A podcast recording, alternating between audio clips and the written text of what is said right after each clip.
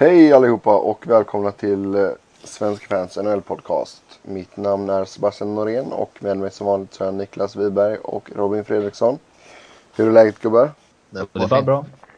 Härligt. Det har varit en eh, väldigt intressant vecka här nu. Vi har ju haft både NHL Awardsen och eh, draften.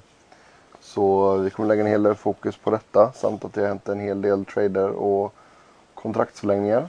Så eh, tänkte att vi börjar med eh, NHL Awardsen här. Eh, kan ju dra det lite snabbt. Det är väl inte något sådär jätte... Alltså, det är klart det är intressant men det, det, jag tycker inte det är det hetaste som har hänt den här veckan. Uh, vi kan börja med Hart Memorial Trophy då som gick till uh, ligans mest värdefulla spelare. Det blev uh, Yevgeny Malkin från Pittsburgh Penguins. Sedan så uh, gick Lady Byng. det är ju gentlemannapriset. Brian Campbell i Florida. Eh, Henrik Lundqvist från New York Rangers plockade hem eh, uh, Vetsina Trophy för eh, ligans bästa målvakt. Och Eh, Gabriel Landeskog tog hem eh, Calder Memorial Trophy för årets rookie.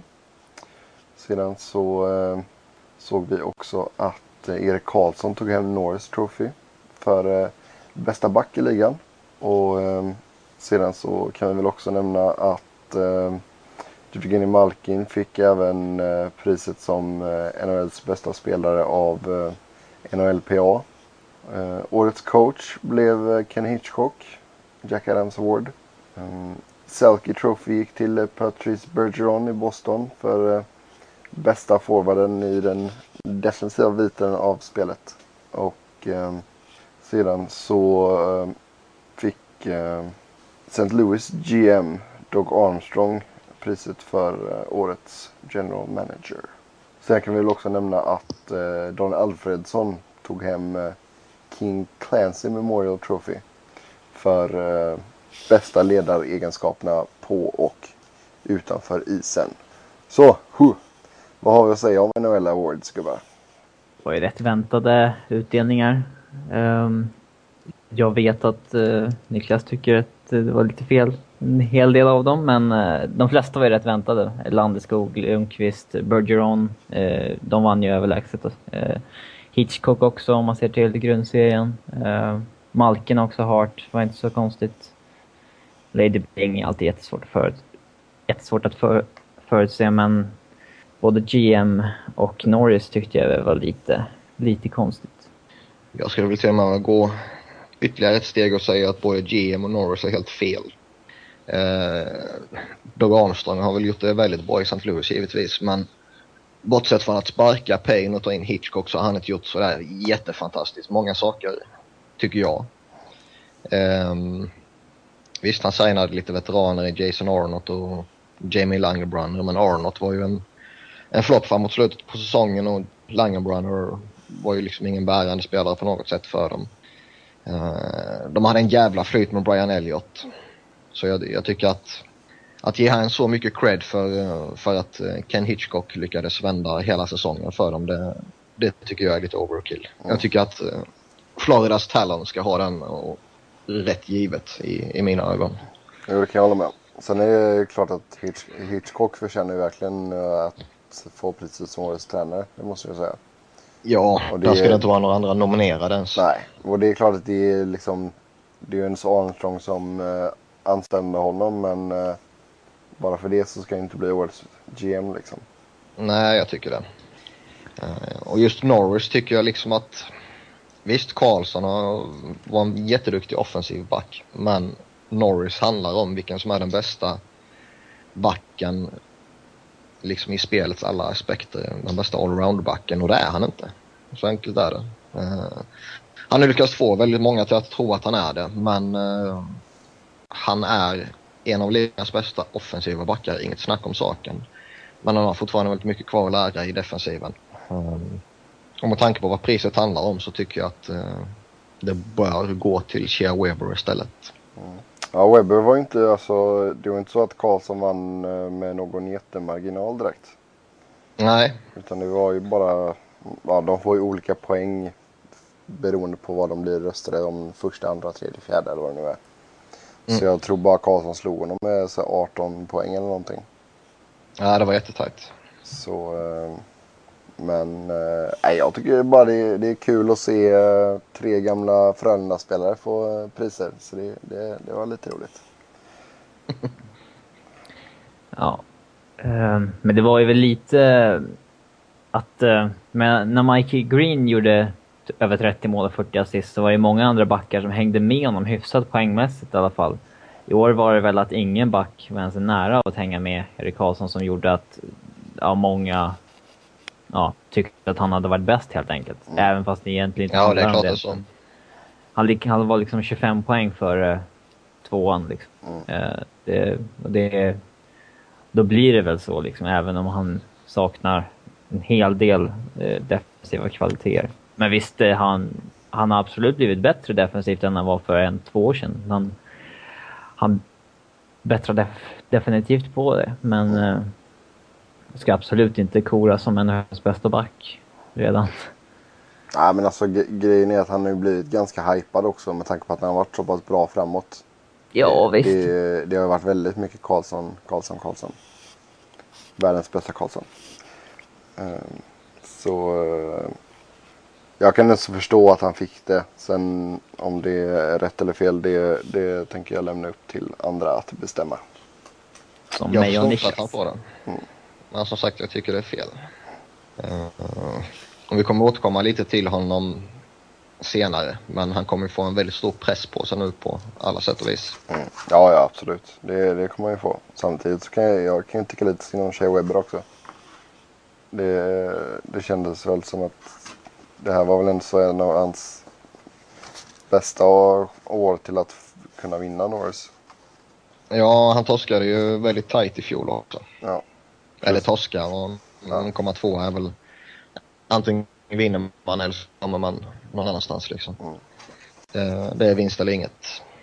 Sen vet man inte hur det blir till nästa säsong ifall inte de har kvar hans kära kamrat Sutter heller. Nej. Ja, något annat att tillägga? Uh, Nej. Shane Doan fick uh, pris som bästa kapten eller någonting. Läste jag också. Ja. Mark, Mark Messier, uh, vad var det? Mark Messier Leadership Award eller någonting. Mm. som är sponsrad av någonting också, men det, det orkar jag inte. Bridgestone. Ja, jag gör lite reklam för dem också. ja, ska vi slänga oss in på NHL-draften då som var här häromdagen första rundan eh, såg ju eh, Edmonton som var det första valet i år igen. Tredje året på raken. De eh, tog eh, ryssen Nail Jakopov. Det var väl inte så jätteoväntat? Nej, men eh, det var ju en hel del snack ja, precis före draften att de hade bestämt sig för att gå efter Ryan Murray istället. Eller någon Griffin Reinhardt till exempel. Men Jakobov har ju varit den solklara ettan väldigt länge, men sen experterna och det så har ju glappet mellan Jakobov och resten minskats under året. Eh, men han var ändå solklar etta och eh, även fast även fast Edmonton behöver ett, alltså ett försvar så kan jag ändå förstå att man tar Jakobov för det är ändå en rysk superstjärna verkligen som... Jag menar, det går ju ändå att få ihop ett bra försvar i framtiden. Eh, även om det skulle bli helt felbalanserat lag nu så kan de ändå lösa det med ett antal trades. För de har ju hur mycket pusselbitar som helst nu att leka med. Jo, det, det känns som att de borde väl försöka gå, gå ganska hårt ut nu på, på Free Agency också och få in alltså, tredje, ja, alltså du vet, stabila tredje, fjärde backar och sen försöka trada till sig en första, andra back. Ja, en målvakt också. Men um, ja, det är, jag förstår att man inte kunde uh, nobba chansen att ta in Jakubov. Det, det kan jag förstå. Ja, det är, de kan ju ställa upp en hel, en hel line nu med första val. Mm. Ja. Jag vill generellt sett en, eh, en väldigt stor supporter av att ta best player available. Uh, för man vet aldrig vad som händer om fem år, man vet aldrig hur behoven ser ut om fem år liksom och, och så här va. Men uh, just Edmonton som du var inne på är ju, det är en speciell situation. Um, så frågan är ju om, om de kanske i det långa loppet ändå skulle varit bättre av att plocka Ryan Murray till exempel. Ja, men de får fortsätta komma i botten då så får man köra en målvakt nästa år. Och sen de två kommande åren tar man två backar. ja, typ. För jag, jag, tror nog inte heller att det, i dagsläget är det kanske inte jätteenkelt för Edmonton att locka till sig free agents på det sättet. För uh, dels är ju staden bara skittråkig. Eh, dels så, så tror jag inte att Edmonton med det laget de har på pappret är konkurrenskraftiga i dagsläget. De kommer säkert vara det om några år men jag tror inte de är det nu. Eh, och då vill kanske de här veteranerna snarare husera i andra lag. Jo men samtidigt skulle man få in ett par alltså riktigt bra, eller riktigt bra, men bra veteraner som kan liksom hjälpa till att styra de här ungdomarna på liksom rätt sätt så tror jag nog att de skulle kunna bli riktigt farliga. Men då, ja, då, men... men... då gäller det också det att du liksom får in veteraner med, som har den inställningen att de liksom ska verkligen komma in för att hjälpa de yngre. Mm. Det, det är inte så att de ska komma in och tro att de ska vara fixstjärnan liksom. Sen så uppfyller den här forwardsidan den eh, potentialen som den har med Jakobov Hall och Eberle och Nugent Hopkins och om en Pääjärvi kanske byggs till igen och då behöver du inte ha en extremt bra backsida. Det räcker med att du har en okej okay backsida för att liksom vara en contender. Ja men det känns väl som att Pääjärvi kan ryka nu. Ja absolut, det, det kommer han nog förmodligen göra men även utan honom så är det ju en enorm potential de har. De har ändå kvar spelare som Hemsky och Horkoff och Ryan Smith lär bli resignad och det är ändå spelare som håller i en okej okay offensiv produktion i många år till. Ja. ja äh... men det är defensiven som vinner åt dig. Mm. Alltså mm. vet man inte riktigt. Jag kan väl vara lite tveksam till uh, Dubnyuk eller vad han nu heter, deras målvakt. Mm. Uh, jag har sett honom Ja, men det är väl inte deras long term kille. Det är... Nej. Nej, vi får se. Med andra valet då, det var ju då Ryan Murray som eh, Columbus plockade. Och han blev väl, tänkte väl fan också när han blev draftad av dem. Men eh, så är det. Jag tänkte bara stackarn. Ja. ja. Det kan inte vara kul att bli draftad av Columbus men han kan nog få bilda ett rätt uh, bra backpar med Jack Johnson. Eh, kan jag tänka mig. Och det kan kanske ta dem rätt långt. Eh, ja, han kommer nog få känna på hetluften ganska ja, hur länge som helst när han får drafta bra spelare. Ja. Columbus har ju dock genom åren varit fruktansvärt dåliga på att känna av när man ska klämma in sina unga spelare och när man ska ta ut dem. Och, jag menar, de tvingade in Filato för tidigt, sen insåg de oj det är för tidigt, nu tar vi ner honom i AHL. Och då blir det ju som ett jätte... Ja, självförtroende smäll för honom liksom att han får börja i AHL, sen skickar de ner i AHL och han kommer aldrig därifrån liksom. Eh, och eh, de har gjort så med många spelare. De har ju varit väldigt dåliga på ja, allt. Eh, men, men jag tror nog att Murray kommer nog få känna på det ganska tidigt. Ja, det tror jag.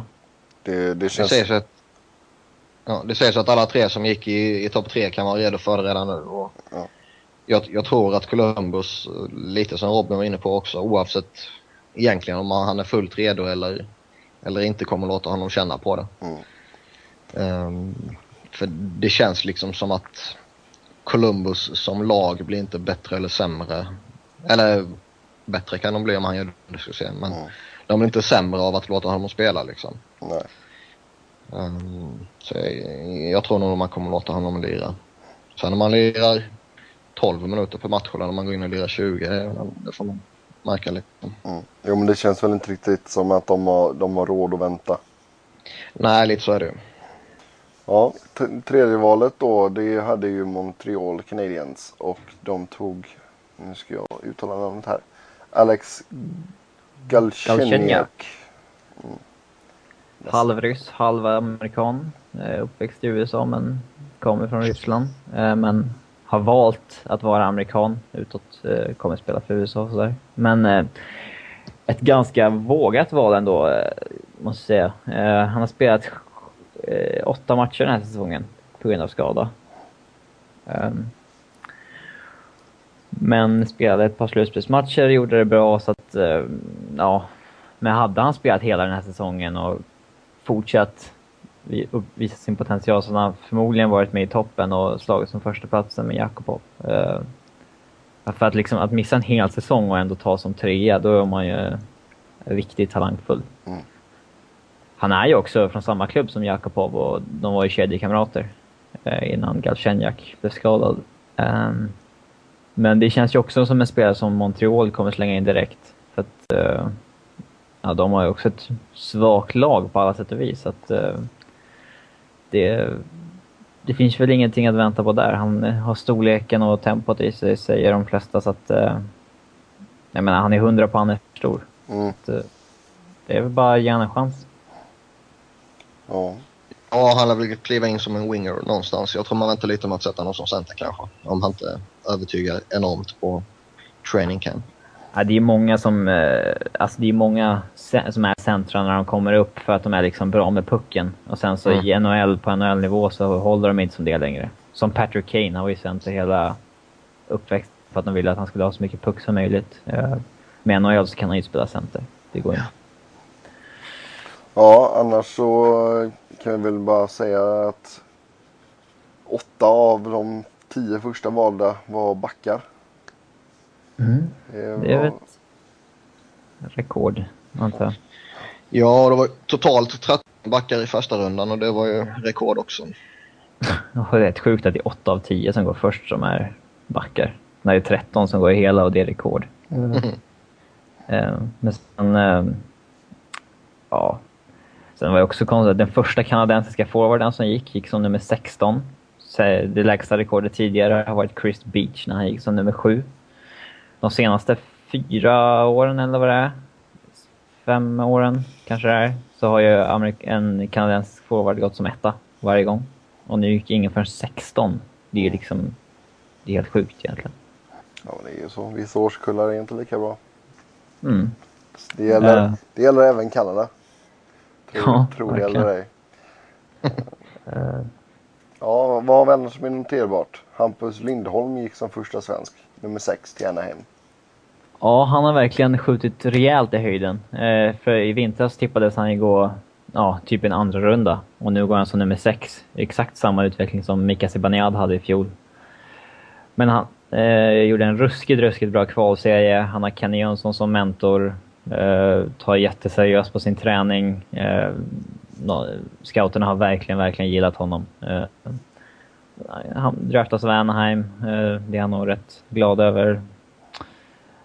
Annat noterbart var väl att uh, Michail Grigorenko föll till ända ner till 12 för att han hade en väldigt svag andra halva på säsongen. Men det visade sig att han hade haft någon sjukdom eller vad det var som hade hämmat hans prestation rätt rejält. Mm. Senast så såg vi ju Filip Forsberg, han gick som 11. Han, ja. var, ju, han var ju rankad eh, topp 5 på många listor. Mm, men hans agent sa också att uh, han kan gå när som helst mellan 2 och 10 typ, för att det är en sån jämn, uh, jämn draft. Så att, uh, men han har nog ingen, inga problem med att uh, droppa till 11 och få gå till Washington. Han har hellre det än att gå som tvåa till Columbus, det tror jag garanterat. Ja. Mm. Sen så var det väl som ja, alla förstod väl att Tampa hade två val i den här draften och med den andra så tog de den bästa målvakten som fanns tillgänglig. Det är väl inte jättekonstigt. Nej. Spelar Andrei Vasilevski som han gjorde i J20-viggen så skulle han kunna gå in i NHL redan nu. Eh, där är en supertalang, men han har kontrakt i KHL ett tag till. Och det är lite chansning, men vad fan. När det finns en sån skicklig målvakt så är det klart man ska ta honom. Sen den andra målvakten som gick var ju eh, PK Subans lillebrorsa, Malcolm Subban. Eh, som tagen av 24 eh, av eh, Boston. Där Tim Thomas precis sa att han tänker ta en timeout, vilket betyder att han kommer sluta givetvis. Men eh, ja, det var ju det som spelade in en hel del tror jag också på att eh, Boston tog eh, Subban. Så att i övrigt var det väl inte så många överraskningar från första rundan. Nej, vad, vad såg vi mer? Uh, Ulf Samuelssons son Henrik gick ju som nummer 27 till Phoenix. Får väl ändå räkna honom som halvsvensk i alla fall. Ja. Även fast han är född och uppvuxen i USA. Ja, han har valt att spela för USA också. Mm. Det... Ja, men det är väl inte så konstigt egentligen. Nej. Det är det inte. Ja, annars så hur många svenskar blev var det totalt? Det är en jäkla massa. Uh, det var 23 svenskar totalt. Mm. Väldigt många i sista rundan dock, så det var väl lite missvisande. Men uh, typiskt Detroit att drafta en uh, svensk som ingen känner till från Östersund i sista rundan. Precis som att drafta Zetterberg. Liksom. Ja. ja, kanske hoppas på en, en ny söta där. Ja. ja. Ja, vi får väl prata lite mer om eh, de svenska draftvalen eh, under sommaren här när, vi, när det blir lite rookie camps och grejer. Ja, när det blir klart vilka som stannar kvar på den sidan Atlanten. Exakt. Ja, om vi då... Eh, ska vi ta traderna eller ska vi ta kontrakten? Kontrakten är väl lite... Ja, det var ju de som hände... Ja, de är väl mest relevanta att ta först antar jag. Ja, då kör vi på kontrakten. Take it away Robin. Ja, först har vi Chris Stewart eh, som spelat i Colorado och nu spelar i St. Louis. Som har haft ett väldigt svagt år och han har därför bara fått ett ettårskontrakt. Tre miljoner i capita. Eh, det var väl... Eh, jaha. ja, det är min hund som nyser. Är... ja. Chris Stewart i alla fall. Tre miljoner i capita. Det var väl lite ja, ganska hög lön tycker jag, men det är ändå ett ettårskontrakt så att uh, han har ett år på sig att bevisa att han är, är bra igen som han kan vara. Colorado var en väldigt lat spelare som kunde vara riktigt bra om han ville, men kunde också vara riktigt, uh, ja, trög, trött kille. Han har haft en riktigt svag säsong och får ett år på sig med ett bra kontrakt att bevisa det, att han ska vara kvar. Ja, det känns verkligen som att det här är liksom se till att och bevisa att du förtjänar eh, din plats och att du förtjänar eh, en lön som är bättre än det här. Ja. Jag tycker väl att 3 miljoner är kanske i, uh, lite i överkant för honom sett till vad han faktiskt presterade den gångna säsongen. 15 mål är väl inte dåligt. Men jämför det med när han gjorde 28 för två år sedan så... Eller 15 i fjol efter trade deadline bara. Mm, mm. St. Louis. Eh, annars det, det är en väldigt intressant spelartyp. Alltså en stor powerforward, högerfattad, grym i slottet när han eh, liksom väl vill. Och, och som du var inne på, lägger det här lata sidan åt sidan och, eh, och verkligen börjar plöja på. Då, då är han grym. Um, sen är ju frågan om, om han kommer nå de siffrorna igen med tanke på att han inte riktigt fick topp 6-roll och minuter under stora delar av den här säsongen. Nej, han var ju scratchad i slutspelet en hel del. Mm. Uh, men det är, det, han har ett problem med motivation och stöd i karriären. Och ju mer pengar man ger honom, desto mer motiverad tror inte jag han att han blir. Men uh, ja, det finns ju potential där så det är värt att satsa vidare ett tag till i alla fall. Men, mm. Men jag, jag, tror det handlar lite också om att Blues vill visa att uh, nej, men vi ser att du har potential, vi har förtroende för dig. Här får du bra betalt men du får bara ett år. Visa att du ska få ett längre kontrakt liksom. Ja, med samma pröjs. Mm. Hade det inte varit bättre om vi var igenom ett mindre kontrakt och mer prestationsbaserat? Han kan ju... Jag vet inte. Det, han kanske hade krav på en viss summa. Eh, det är ändå ingen spelare man vill släppa bara sådär för man bytte ju ganska nyligen till sig honom. Och... Ja, man gav upp rätt mycket för honom också. Mm. Sen så uh, signade St. Louis om Barrett Jackman också till 3,16 miljoner, treårskontrakt. Vilket tror jag är väldigt viktigt med deras unga backbesättning och uh, han klassas väl lite som veteran med sina 33 år. Uh, ja, han skulle också varit en av de här som skulle varit väldigt eftertraktade första juli hos väldigt många lag och eh, han bidrar inte jättemycket i den offensiva delen av spelet men eh, i egen zon så har han eh, blivit rätt stabil numera tycker jag efter att tidigare i sin karriär har varit rätt mycket upp och ner.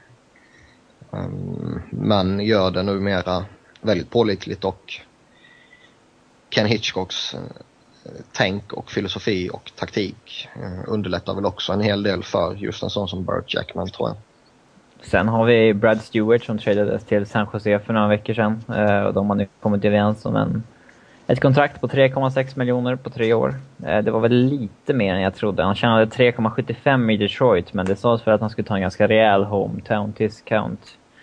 3,6 det tycker jag är ganska kraftigt med tanke på hur... Han, han, hade, han hade ett riktigt svagt år i fjol faktiskt och han har inte nått upp till de, den, de siffrorna offensivt heller som han hade när han fick det där kontraktet i Detroit. Uh, men visst, det, det är liksom en, absolut en bra back. Eh, men jag trodde att han skulle välja, eller var villig att gå ner lite mer i lön med tanke på att eh, San Jose behövde honom egentligen inte. Sådär. Men de var schyssta och tog hem honom för han ville verkligen dit liksom.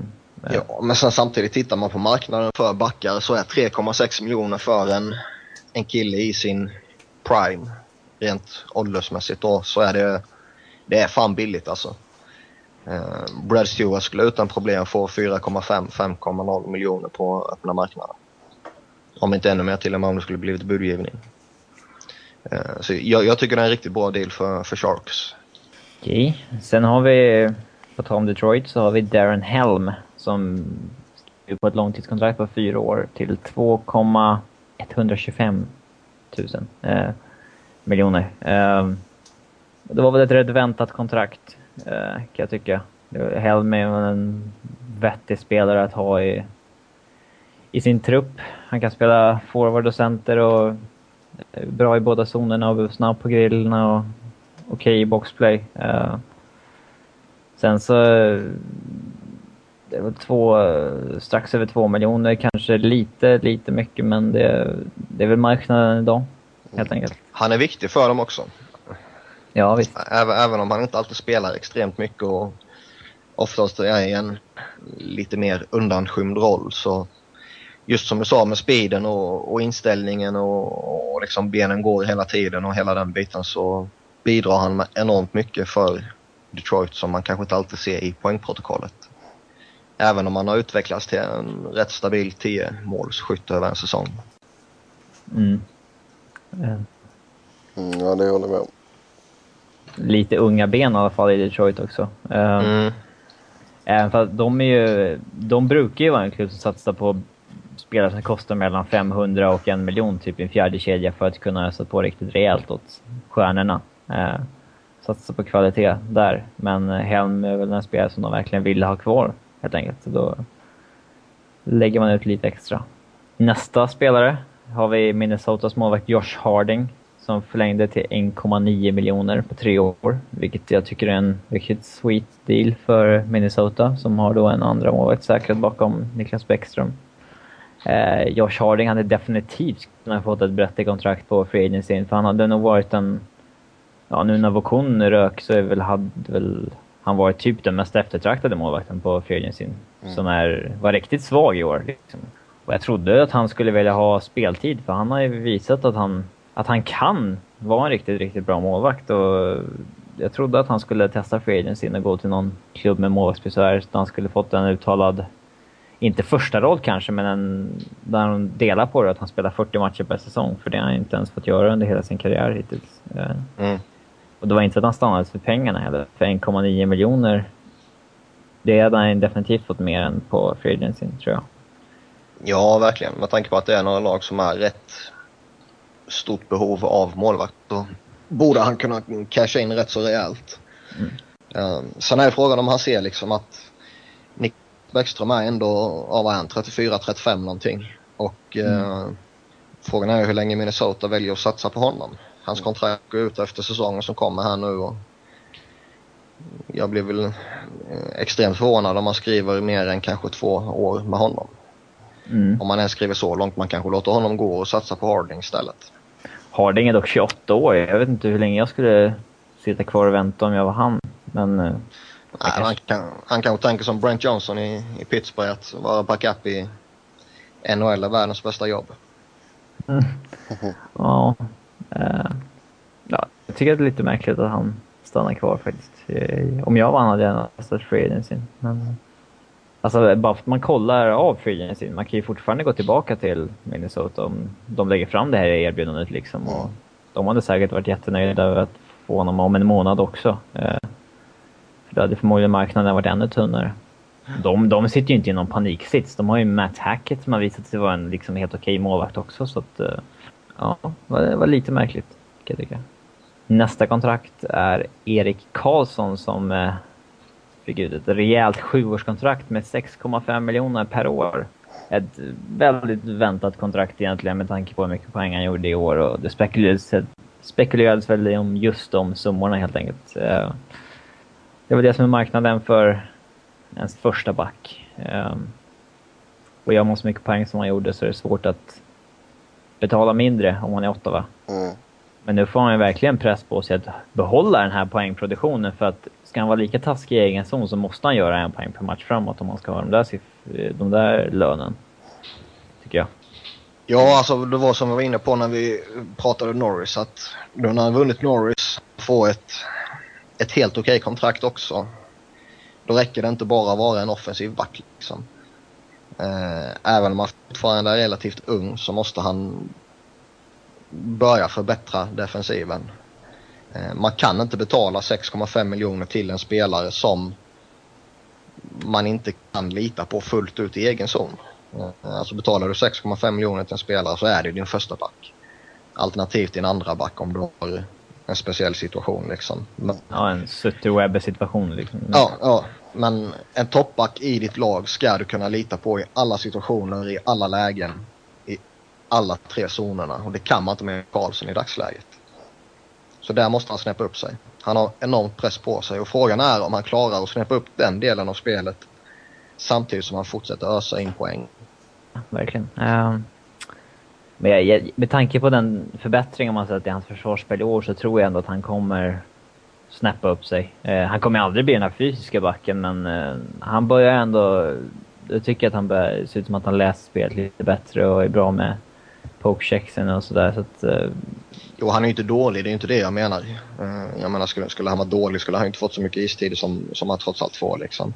Ja. Um, men liksom ska, ska man vara ansedd som en av ligans bästa backar, framförallt ska man tjäna 6,5 miljoner i sju år, ja då måste man fan vara en toppback i egen zon också. Då räcker det inte bara vara bra.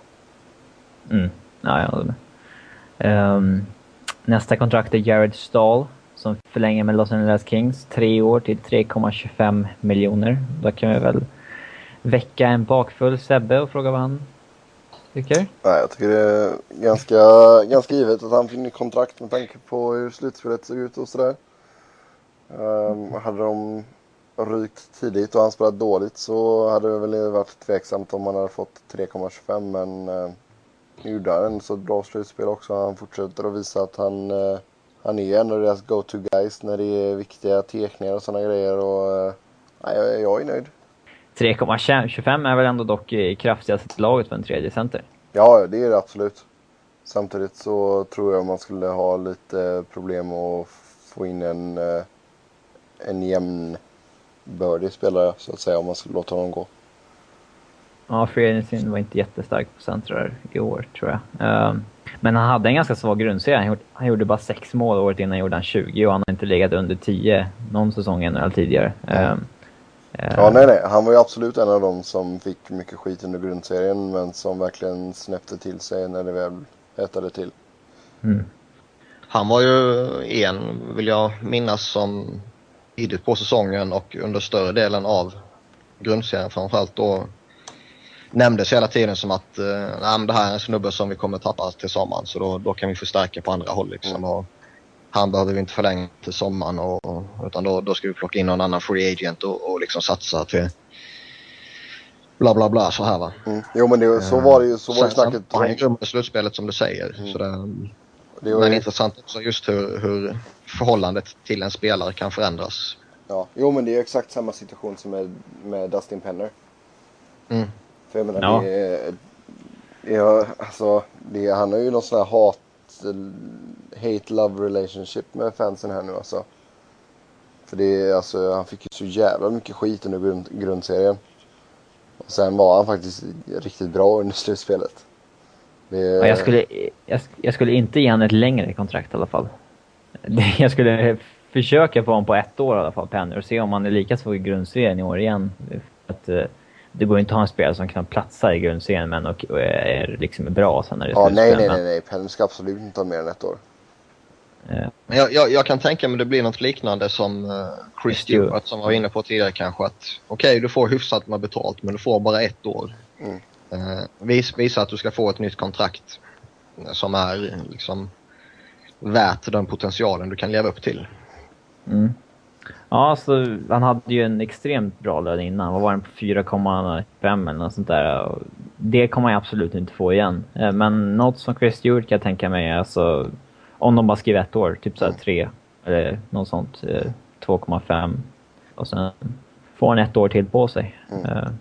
Det är ju med, med det här slutspelet som ett år till på sig. Det är inte så att han, att han skulle få det annars. Annars hade det bara varit tack och hej liksom. Eller inte ens tack, utan bara hej. Ja. Mm. ja. Um, det sista kontraktet är Matt Duchene, Colorado. Um, som förlängde två år, vilket inte var så konstigt i och med att han, han hade en ganska, eller väldigt svag säsong. Skadebenägen och snittade bara en halv poäng per match. Uh, men han förlänger bara till 3,5 miljoner. Det var mindre än vad alla trodde egentligen. Uh, ja, jag tycker det är en bra deal för Chicago. Eller förlåt, Colorado. Uh, skit som skit. det blir, det blir en bra deal för Chicago sen när de tar honom två år på free Nej men alltså det, det, är en bra deal och uh, sen kanske uh, man hade förväntat sig att Duchene skulle få någon eller några miljoner extra egentligen bara för att uh, Colorado ja, egentligen ska nå upp till, till ett lönegolv och, och liksom kunna hålla den budgeten man kanske själv vill hålla och, och hela den biten. Va? Det tyder väl kanske lite på att man kanske satsar lite hårt på free agency i år. Uh, man har inte gjort det ett enda år under Greg Sherman. Mm. Eller, uh, eller, eller styr det på att ekonomin är så kass som man inte kunde göra det. Ja, uh, får väl hoppas för det första ändå. Men uh, vad fan, ja, med, med tanke på hur mycket man betalar för potential nu för tiden och vad många andra spelare och centrar i ligan tjänar så är 3,5 miljoner för Duchene ett, ett stil egentligen. Med tanke på att han snittat, vad är det, typ, han har snittat uh, 55-60 poäng per säsong i tre år och har en enorm potential. Jag menar Grabowski fick väl 5,5 och men David Jones fick ju 4 miljoner och uh, jag är lite förvånad att Matt Duchene gick med på 3,5 men nu hade han visserligen ett dåligt år men uh, man betalar för potential som sagt. Uh, så det var ett riktigt bra kontrakt och det blir ju bara 300 000 mer än vad, han, vad hans nuvarande cap hit låg på. Så det är ingen skillnad egentligen. Uh, sen kommer väl han få en rejäl löneförhöjning nästa kontrakt även om han skulle hålla samma nivå. det tror jag. Bara för att det är Duchene. Mm han sa ju, hans uttalande direkt efter var ju också att det är inte det här kontraktet utan det är nästa som han kommer bli making a killing. Så, mm. så han har väl lite förväntningar på nästa kontrakt istället. Men det är bra att han lägger fokus på rätt saker. Mm.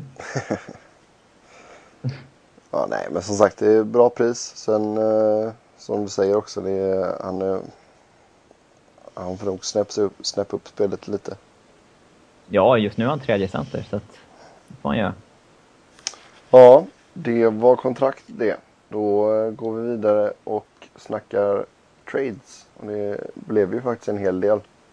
Jag tänkte vi börjar med att nämna att eh, Anders Lindbäck gick till, eh, tillsammans med Kyle Wilson till eh, Tampa Bay.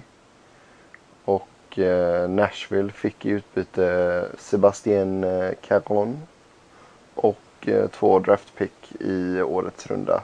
I ska vi se, andra rundan var båda de valen. Det är ganska högt pris egentligen. Två andra rundsval är ju rätt eh, saftigt. Ja, Men, då så fick de... Samtidigt alltså det spelare som kommer i andra, tredje rundan, även om det är i ett höga val så kan det gå precis hur som helst. Eh, för, första rundan kan man ändå få, eh, alltså i, i princip hela tiden, en, en bra spelare. Men här har du en, en, målvakt som bevisligen är duktig och som bevisligen är väldigt talangfull och som bevisligen klarar spelet på de små rinkarna väldigt bra. Och är man som Tampa Bay var eh, extremt desperata i, i sin jakt på en målvakt som som både kan hjälpa dem nu men som framförallt kan hjälpa dem under en längre period så, så tycker jag ändå att, att eh, priset är eh, bra. Mm. De kommer ju satsa på lite sådana här billiga målvakter nu tills de prickar rätt och så... Men de tog tillbaka Rico Helenius också, draftade Vasilevski så att... Eh...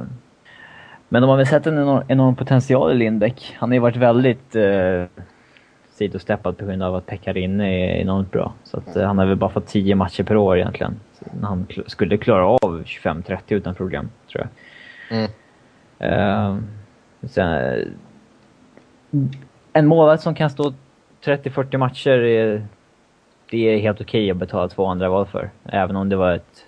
Eh, jag inser nu att det är det där draftvalet som Nashville tog Pontus Åberg med. Så att, eh, det är lite eh, bra dealat av Nashville, säger jag. Mm. Mm. Ja, sedan så eh, såg vi eh, Niklas Philadelphia skicka iväg eh, Sergej Bobrovski till Columbus för tre draftval. Det var två stycken, eller ett andra rundsval i årets draft, ett fjärde rundsval i årets draft och ett fjärde rundsval i nästa års draft. Mm. Jag tycker det är... Jag tycker beslutet att skicka honom var rätt för det första. Eh, för han... Första säsongen i Philadelphia visade att han, att han är en duktig målvakt. Eh, den här säsongen visade han att han inte riktigt behärskade rollen som backup. Eh, och kom in och spelade lite då och då det är inte alltid lätt att göra det. Eh, det krävs rätt mycket av en att kunna sitta tio matcher eh, och sen gå in och, spela bra i en eller två matcher liksom och, och sen sitta tio matcher till. Och han visade tydligt att det funkade inte riktigt för, för honom i den situationen. Och eh, när man väl tog beslutet att skicka iväg honom så tycker jag också att man får eh, rätt bra betalt för honom ändå. Eh, med tanke på att alla visste vilken situation Philadelphia var i och det är liksom Bruskalov som är ja, det är den mannen man kommer att satsa på under de kommande åren här oavsett om man, om man nu skulle vilja det eller ej med tanke på kontraktet. Mm. Och Columbus skulle säkerligen kunnat pressa ner priset ytterligare. Men med tanke på att han äh, aldrig draftades så får man ändå vara nöjd av att man får tre stycken draftval för honom. Ja, man har fått en en, för, en haft en okej okay målvakt i två, två säsonger va? Mm. Sen eh, skickar man iväg honom för tre draftval. Liksom. Det, det är bra business. Mm. Jag hoppas bara... man tar in en, en mer rutinerad backup till Bruskalov nu. En Johan Hedberg kan... kanske? Nej, ah, jag tycker han är lite gammal. Uh, Scott Clemmensen skulle jag gärna se. Um, för Columbus, om vi ser ur deras synvinkel så är det väl en rätt uh, det var en okej okay chansning. De behöver ge lite konkurrens till Steve Mason som har visat att han inte håller som första målvakt. Ja, alltså Bobrovski är en helt okej okay målvakt. Eh, så länge han får vara den målvakten som, som får merparten av matcherna. Ja, men... om, om man ska döma honom på de två säsongerna han gjort i NHL. Mm. Nu, nu blir det väl så att han och Mason får 40 matcher var. Eh, kanske så blir det lite mer av den som tar, tar chansen helt enkelt. Ja kan jag tänka mig. Uh. Sen är frågan hur, hur mycket han hjälptes av att spela bakom ett, ett relativt starkt Philadelphia ändå, även, även om han givetvis är färgad så, så har de en, eh, en bra backbesättning och, och jag menar det, det är viss skillnad på att ha Kimmo Timonen och Chris Pronger framför sig än att ha lite av stolpskott. Brett Lebda. Ja. Nej men alltså det, det, det är lite olika världar där om man säger så. Ja. Det, det skulle bli spännande att följa honom ändå. Jag tror han kan bli en duktig målvakt i NHL. Jag tror också Steve Mason kan bli en duktig målvakt. Men det hade varit kul hade varit intressant att se honom framför ett bra försvar. Han har, han, han har väl blivit lite knäckt av att Columbus är skitdåliga. Liksom. Han kom in första året riktigt hypad och höll nollan nio gånger eller vad det var och vann The Calder och mm. Sen blir man väl lite knäckt av att laget är sämst i ligan hur länge som helst. Ja, sen så eh, gjordes det en trade mellan eh, New York Islanders och Anaheim Ducks. Och det var Lubomir Wisnowski som gick till Islanders i utbyte mot ett andra rundsval i nästa års draft. Var väl en rätt väntad trade att eh, Wisnowski skulle skickas. Eh, för Anaheim vill bygga om och de ville bli av med eh, lite löne, löner. Mm. Eh, och Wisnowski tjänar 5,6 miljoner Och uh, han har ändå... En... inte riktigt. Han har en capita på 5,6 men han tjänar bara 3 miljoner. Jaha. Uh, ja, men de vill uh, skapa löneutrymme helt enkelt. Alltså cap space. Sen så ja, Islanders är väl intresserade av att ta in allt som är bra helt enkelt. Han håller ju ändå en viss kvalitet. Han hade en svag säsong i fjol men han kanske tycker om att åka till Long Island liksom. Det, man ska inte underskatta 35-åringarnas eh, önskan om att spela antingen Florida eller på Long Island. Det, det är bra familjesituationer oftast. Eh, Nabokov är en sån som han, är ju, han vill ju verkligen inte till Islanders först men och nu har han verkligen, eh, säger han att han älskar att spela och bo på Long Island. Så att, eh, eh, Wisnowski kanske tycker det där är helt okej. Okay. Får sig en kanske nytändning. Eh, Ja, alltså det, det kan ju bli väldigt, väldigt, väldigt intressant med Wisnowski och Mark Strait på blålinjen i powerplay. Ja, verkligen. Två grymt spelskickliga backar som börjar bli lite gamla nu båda två men eh, som fortfarande i offensiven håller en, en väldigt bra klass. Sen tycker jag att Straight fortfarande är en bra tvåvägsback medan Wisnowski börjar eh, tunnas ut en hel del i, i egen zon. Eh, men jag tror att det viktigaste för Islanders del är nog det som, som jag sa innan just att han tjänar 3 miljoner men han har en capita på 5,6. Um, ehm, och han har ett år kvar på sitt kontrakt då. Yes. Sen så såg vi Washington eh, tradade till sig Mike Ribeiro från uh, Dallas Stars i utbyte mot eh, Cody Ekin och ett andrarumsval i årets draft. Mm, jag tycker det är lite förvånande att man väljer att plocka in en sån som Mike Ribeiro. Jag tycker att har man Niklas Bäckström som en rätt så uttalad första center eh, så tycker jag att man bör ha en liten, liten annorlunda spelartyp bakom honom. Eh, Brooks Leitch tycker jag gjorde det bra som center men jag tycker nog ändå att han ska vara en forward. Eh, jag tror att man maximerar hans potential på det sättet. Eh, så jag skulle vilja ha in alltså, någon form av hybrid mellan Ribeiro och Brooks Leitch eh, bakom Bäckström. För jag, jag, tror att alltså bygga en topp 6 med Bäckström och sen Ribeiro bakom honom på de två centerpositionerna. Det är lite för lika i sitt spelstil och lite för vekt tycker jag. Eh, jag tycker då att uh, Washington har gjort en en ganska bra trade för att eh, uh, Ribery är bara 32 år gammal och han har ett väldigt högt poängsnitt de senaste åren. Sen är han väldigt lik Bäckström visst, men uh, man får honom väldigt billigt tycker jag här. Man, uh, en prospect och ett uh, andra rundsval. Jag tror inte att Dallas-fansen är särskilt nöjda över att tappa Brad Richards förra året och nu skicka iväg Mike Ribeiro för typ ingenting. Nej, nej, och sen James Neal på det också. Ja, mm. ja jag tror inte de är särskilt nöjda alls faktiskt. Um... Nej, själva trading i sig tycker jag, alltså vad man ger och vad man får är ju bra. Inget snack om saken. Mm. Eh, och Ribeiro är ju inte dålig på något sätt, det är ju inte det jag vill påpeka heller utan det är som du säger, han har haft en bra poängskörd och, och liksom funkat väldigt bra i Dallas över, ja i princip hela tiden väl. Um, men jag, jag ser väl inte riktigt att det är den spelartypen som Washington behöver få in i sitt lagbygge. Mm. Utan nu när man har fått lite, ehm, ja som jag sa, Leitch har fått en, en skön utveckling på sin karriär och Troy Brewer har kommit in och gjort det väldigt bra för Capital så Alltså man börjar få in de där spelartyperna som, som kompletterar Ovechkin och Bäckström och, och, och ja, nu kommer väl inte Alexander Semin vara kvar hos dem. Ehm, men som kompletterar de här finlirarna på ett väldigt effektivt sätt. Ehm, och det är väl en väg som jag tycker att man borde fortsätta vandra på. En spelare som den här traden inte är bra för är Marcus Johansson. Som eh, höll på att ta rollen som andra center. Eh, han, eller han hade ju rollen som första center ett tag till och med när Bäckström var borta. Eh, nu blir han ju nedbumpad till trea. Om han inte tar en forwardsroll som han har visat sig kunna göra också. Men eh, jag tror ändå att Washington behövde en, en bättre andra center och även om han är lik Bäckström så tycker jag nog att man ah, har gjort en rätt vettig trade. Eh, Visst hade en Jordan Stahl varit en mycket bättre spelartyp och signing att få in, men prislappen var lite annorlunda på Stahl och Rivero. Mm. De kontaktade ju Pittsburgh och, och, fick ju höra att nej, Stahl är inte tillgänglig. Och vore jag nu är det här en hemsk jävla tanke, men skulle jag mot all förmodan varit Pittsburgh-supporter och Ray Shero skulle skickat Jordan Stahl till Washington, då skulle jag ha blivit skogstokig. Mm, på grund av rivaliteten mellan... Ja. Ja. Eh, ja. Eh, Och Jordan Stahl då. Mm, exakt. Han, eh, det var väl ändå en av de större traderna nu som hände. Och eh, Jordan Stahl går alltså till Carolina för att spela med en av sina bröder.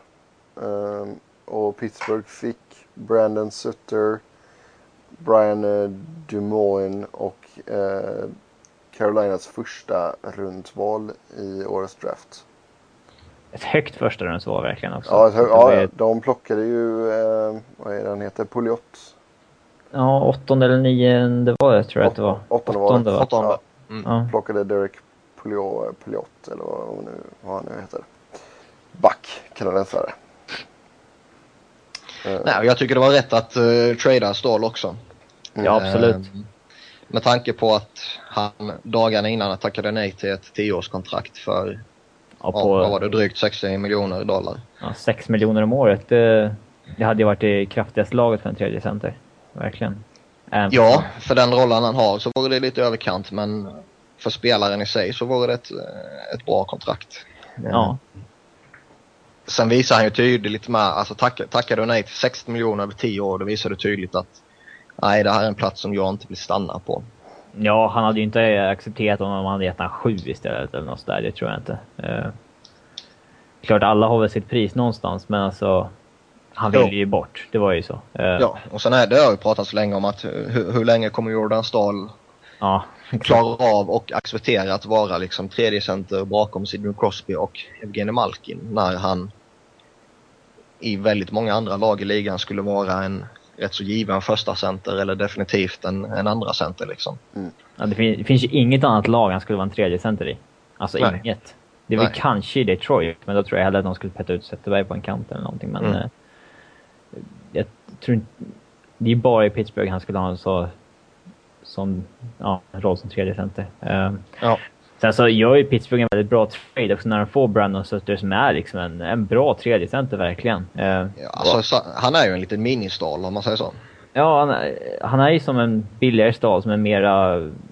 Alltså... Han accepterar väl mer rollen som tredje center mera. Eh, Mm. Och framförallt så får man väl säkert ett lyft av att...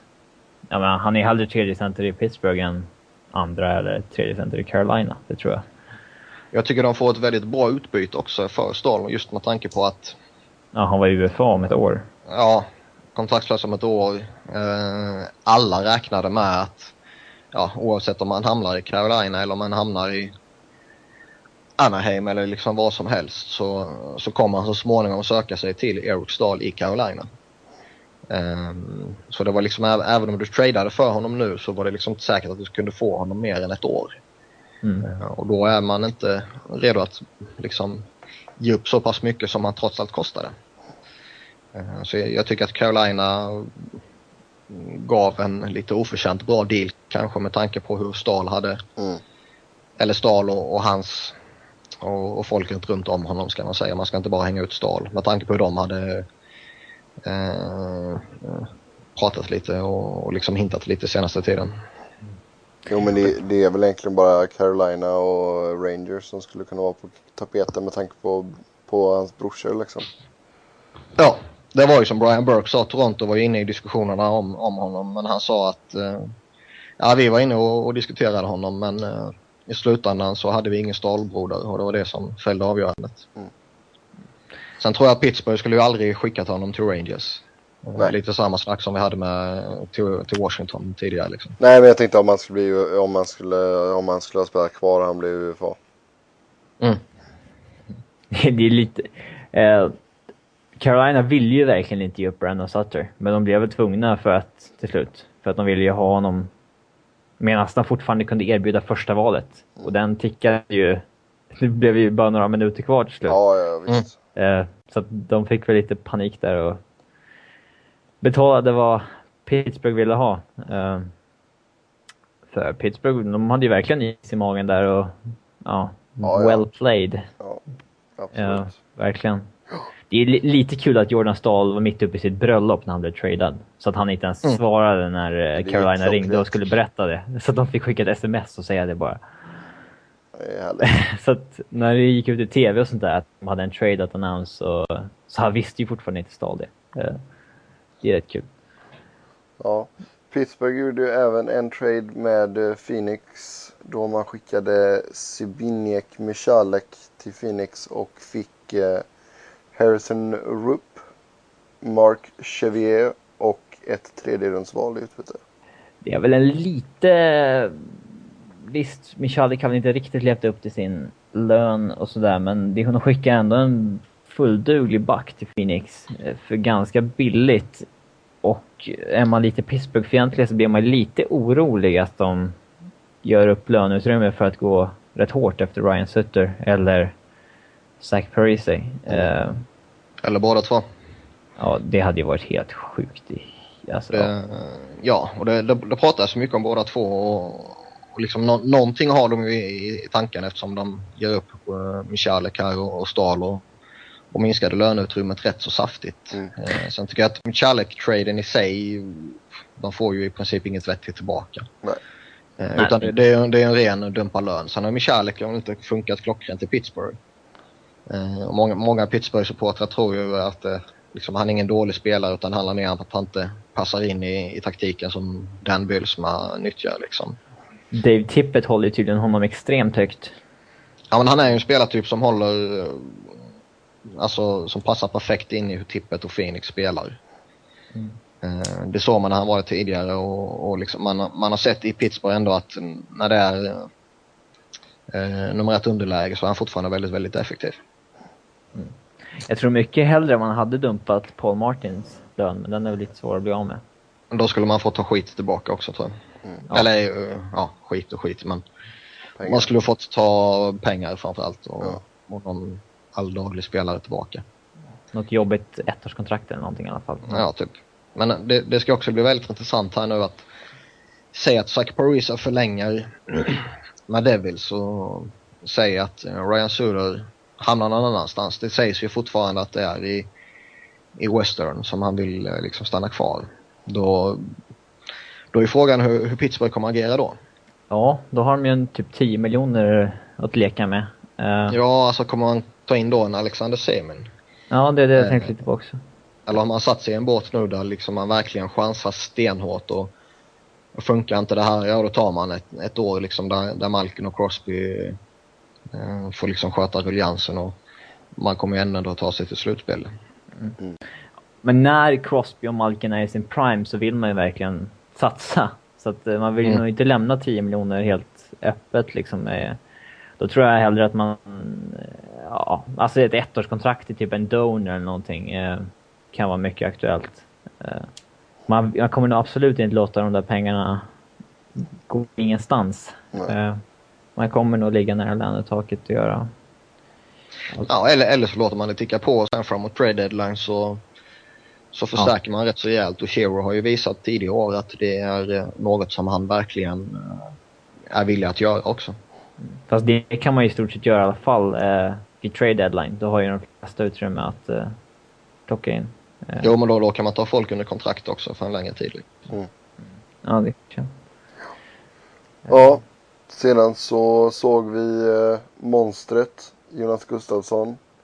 Hans eh, rätti- rättigheter blev tradade till Winnipeg Jets i utbyte mot ett eh, conditional eh, sjunde val i eh, nästa års draft. Ja, de har väl sett han som en ersättare till Jonas Gustafsson, helt, eller till eh, helt enkelt, som är 36 år gammal och stod 20 matcher i år och kommer nog inte stå någonting nästa år. Så de ser väl Gustafsson som en potentiell två, helt enkelt. Ja, och, och ge upp ett, ett draftval i sjunde rundan det är liksom skitsamma. Mm. Um, sen är det imponerande att man gör det just för uh, en nobody som Gustafsson.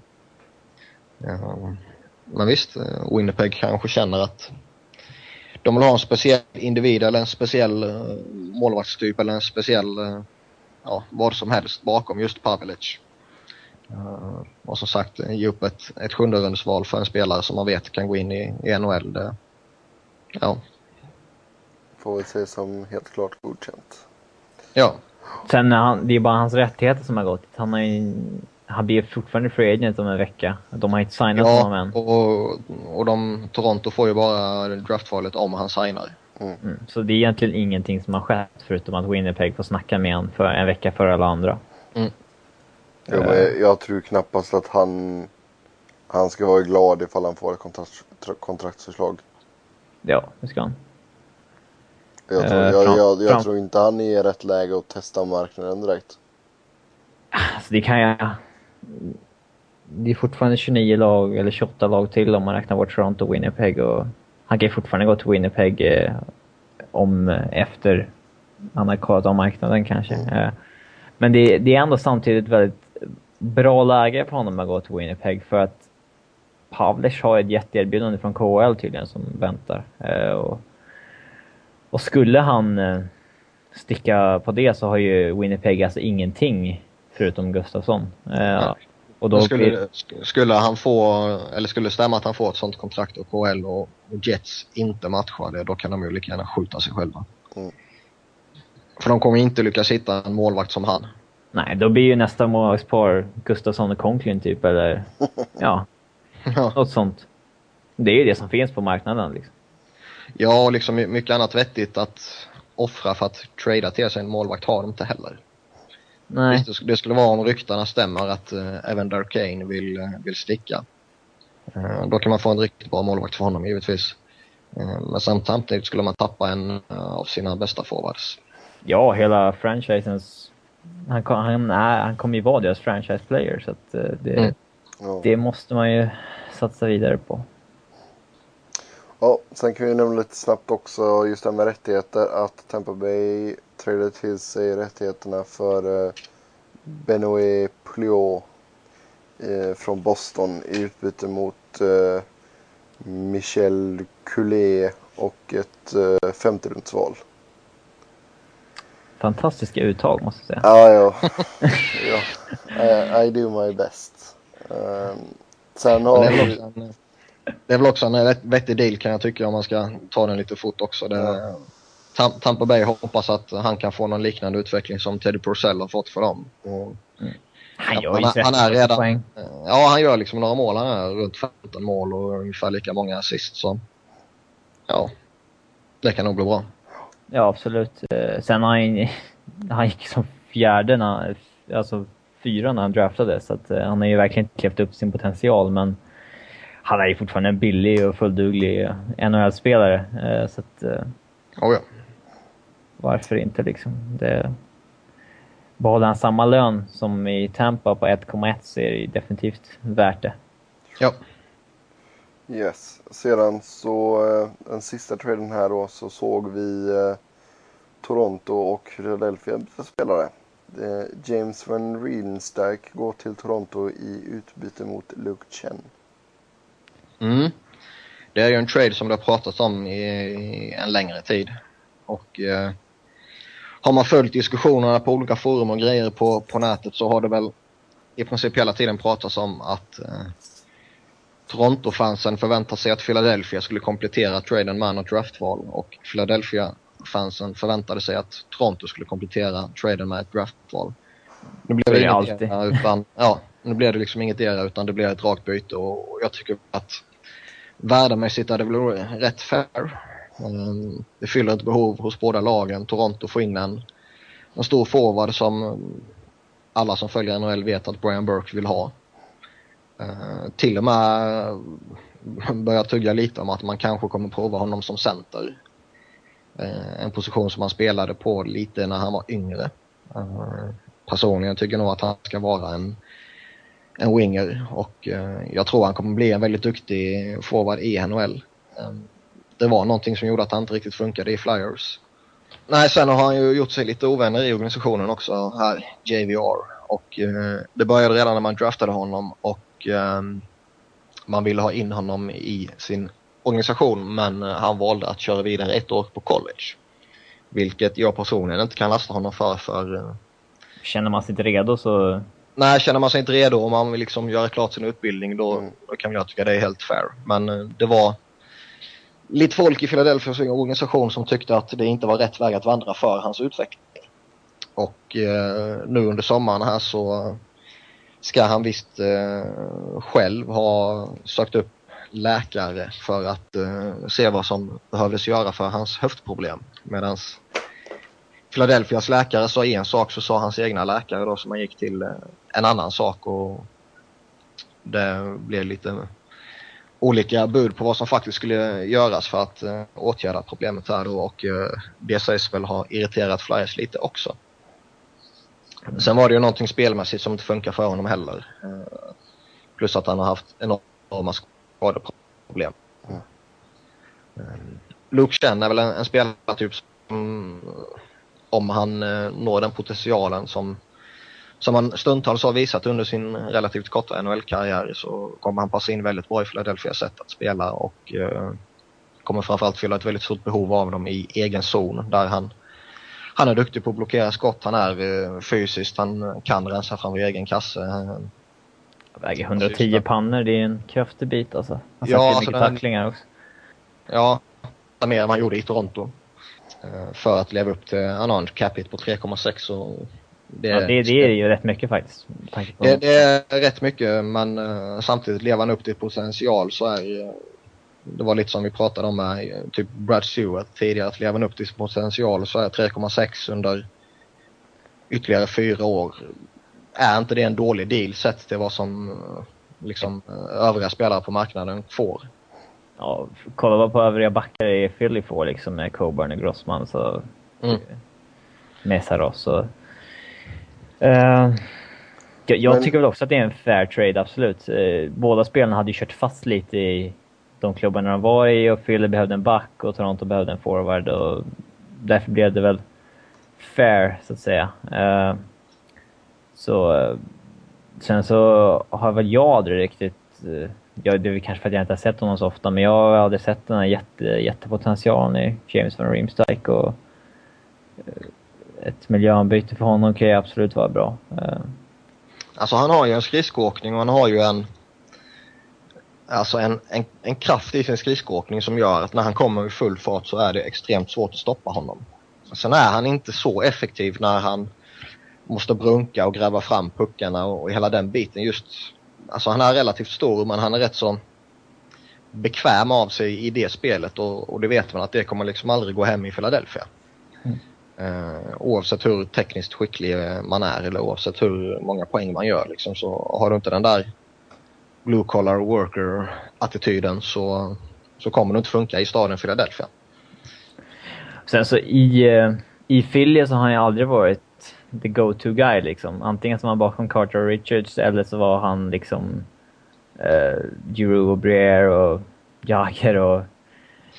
Han har ju alltid fått chansen. Han har ju inte chansen med bra eh, spelare, men i Toronto så blir det ju verkligen han och Kessel som ska göra det. Ja, alltså tanken var att han skulle bli den spelaren den här gångna säsongen.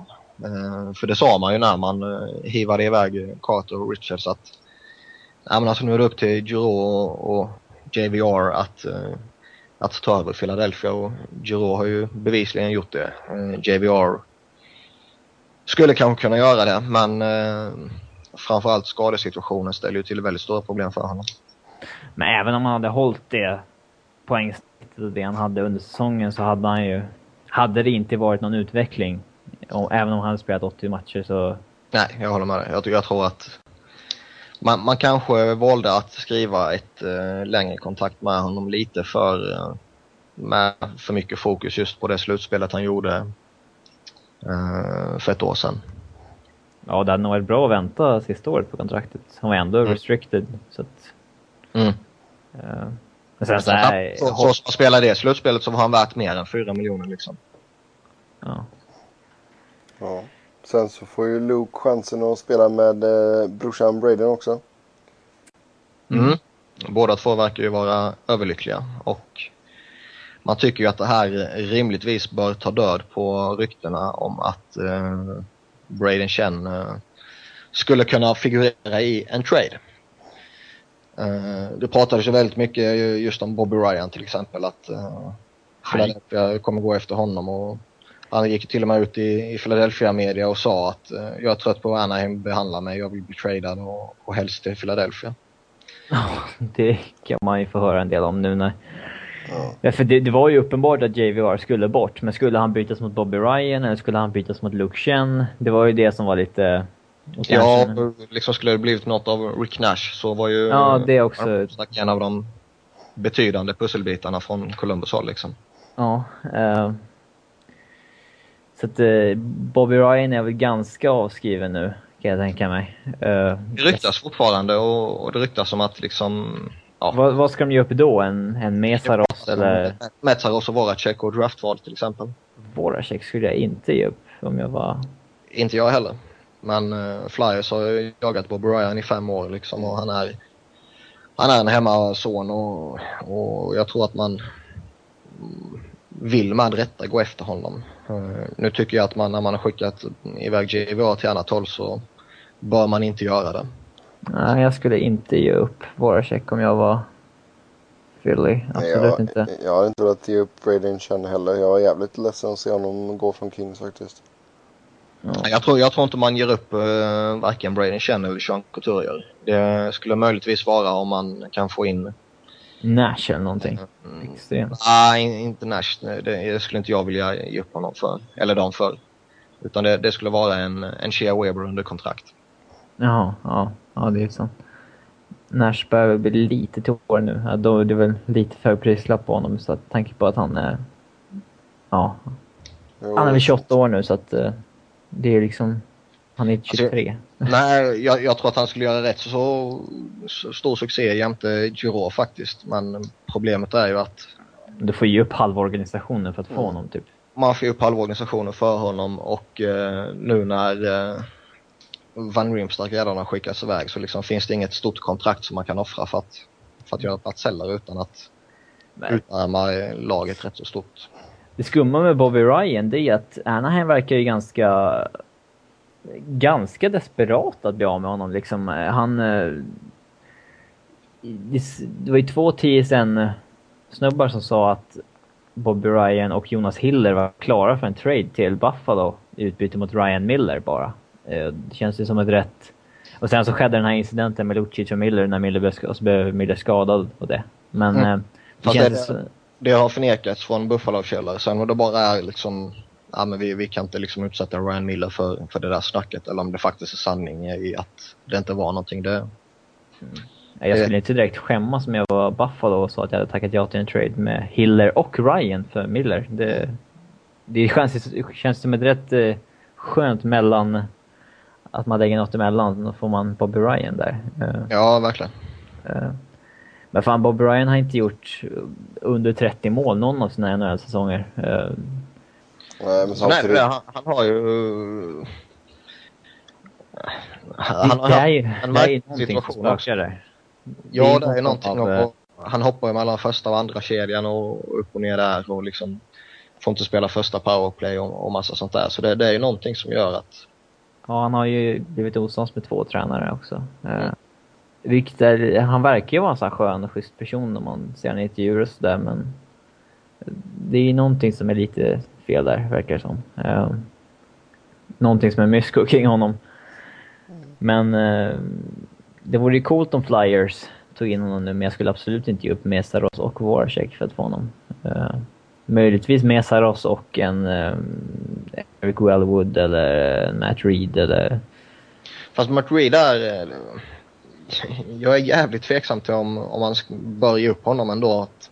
Nej, han sitter på ett grymt kontrakt. Han har två år kvar för 900 000. Mm. Han, han, vad gjorde han? 24 mål tror jag denna säsongen. Mm. Uh, han skulle ju nästan gå in på ett rakt byte med Bobby Ryan känns som med tanke på hur...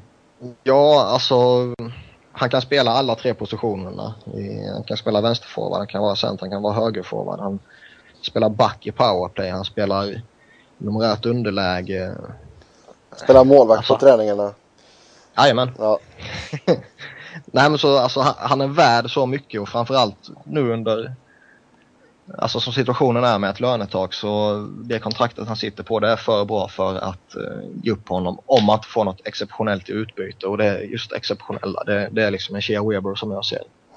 Mm. Eller, eller liksom en motsvarande back men det känns väl som att de som skulle kunna vara Nej, i den situationen det är väl Weber som är aktuell då. Ska de, ska de dessutom ta in Bobby Ryan som har en capita på vad är det, 5,25 eller någonting, då måste de ju upp någonting med en capita också. Mm. Uh, och då, jag vet inte riktigt vad det, det ska vara. Det känns som de har fått slut på tradebara pusselbitar. De har ju väldigt mycket att, att erbjuda men uh, det är inte någonting de bli av med heller. Nej, alltså det är ju Metzeros som, uh, som om Luke Chen kan leva upp till sin potential här nu så, så blir väl kanske Metsaros uh, någon man kan undvara. Samtidigt som jag inte vill det för jag gillar honom väldigt skarpt. Men, Nej, eh, jag, jag, tror man kommer sitta kvar på det man, man har nu och uh, förstärka upp genom Free Agency.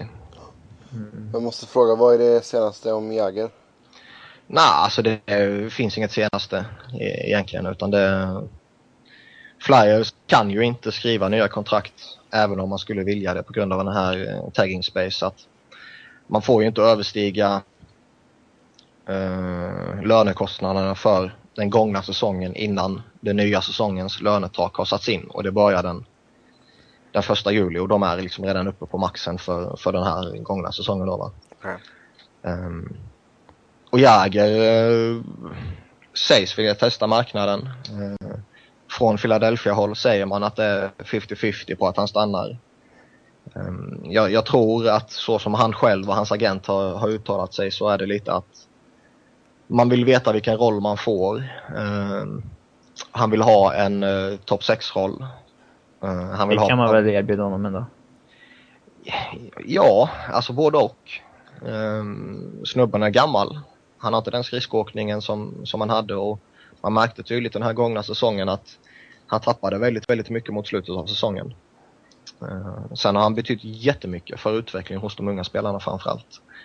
Um, och det, det var i efterhand nu en, en bra värvning man gjorde i somras men han är inte värd 3,3 miljoner uh, för den säsong som kommer nu. Han var det för den säsongen som var men uh, ville han vara kvar så skulle jag erbjuda honom något mindre och då är frågan skriver han på ett kontrakt med Philadelphia för två miljoner till exempel när Montreal säger att du får fyra av oss. Mm. Eller Detroit eller? Ja, eller ja, liksom whatever. Um, jag, jag, tror det är bättre att uh, lägga pengarna på annat håll. Mm. Men Matt Carl, där känns det väl faktiskt som att han... De borde väl kanske släppa honom. Jag hoppas ju man släpper honom för jag tycker inte han är värd sina pengar. Han är för osäker och gör för många misstag trots att han eh, kan det göra 40 Det poäng. finns ju ingen chans att han förlänger och får lönesänkning, det tror jag inte. Så att... Alltså Flyers säger ju att, uh, att han, uh, man vill behålla honom och vi tror att han kan signa för under marknadsvärde. Och marknadsvärdet i, som det spekuleras för han och för motsvarande backar kommer ju ligga på ja, 5 miljoner ungefär. Ja, det skulle jag aldrig... Han är ju aldrig värd det och han är inte värd eh, ja, han, han är väl värd vad han hade denna säsongen om man ska dra det till max. Det var just lite över 3,4. Um, ehm, men jag ser hellre att man låter både Karl och Jagr gå. Uh, man förlänger med Voracek och de här yngre snubbarna Bourdon, Solenchuk och, och Tom Cicitito. Och, uh, och sen satsar på på att ta in uh, en topp 6 forward från Free Agency och en back från Free Agency. Mm. Eller om man lyckas få Parise eller Ryan Super så tar man ju och lägger pengarna på en av dem. Mm. Yes. Ha, har vi något mer att tillägga? Nej. Nej. Nej. Då eh, tackar vi för oss för den här veckan. Som vanligt så vill ni köta hockey med oss så gör ni det bäst genom Twitter. Mig hittar ni på Seb Noren i ett ord. Niklas hittar ni på Niklas Wiberg i ett ord, Niklas med C. Och Robin hittar ni på R underscore Fredriksson. Sedan så kan ni också använda hashtaggen Svenska fans NHL podcast. i ett långt fint ord. Ehm, ja, dela med er kommentarer, frågor. Vad tyckte ni om draften? Borde det varit fler svenskar högre upp? Som sagt, kom med frågor och kommentarer. Det uppskattas alltid. Så eh, hörs vi igen i nästa vecka. Ha det gott så länge. Hej! Ha, hej! Hej!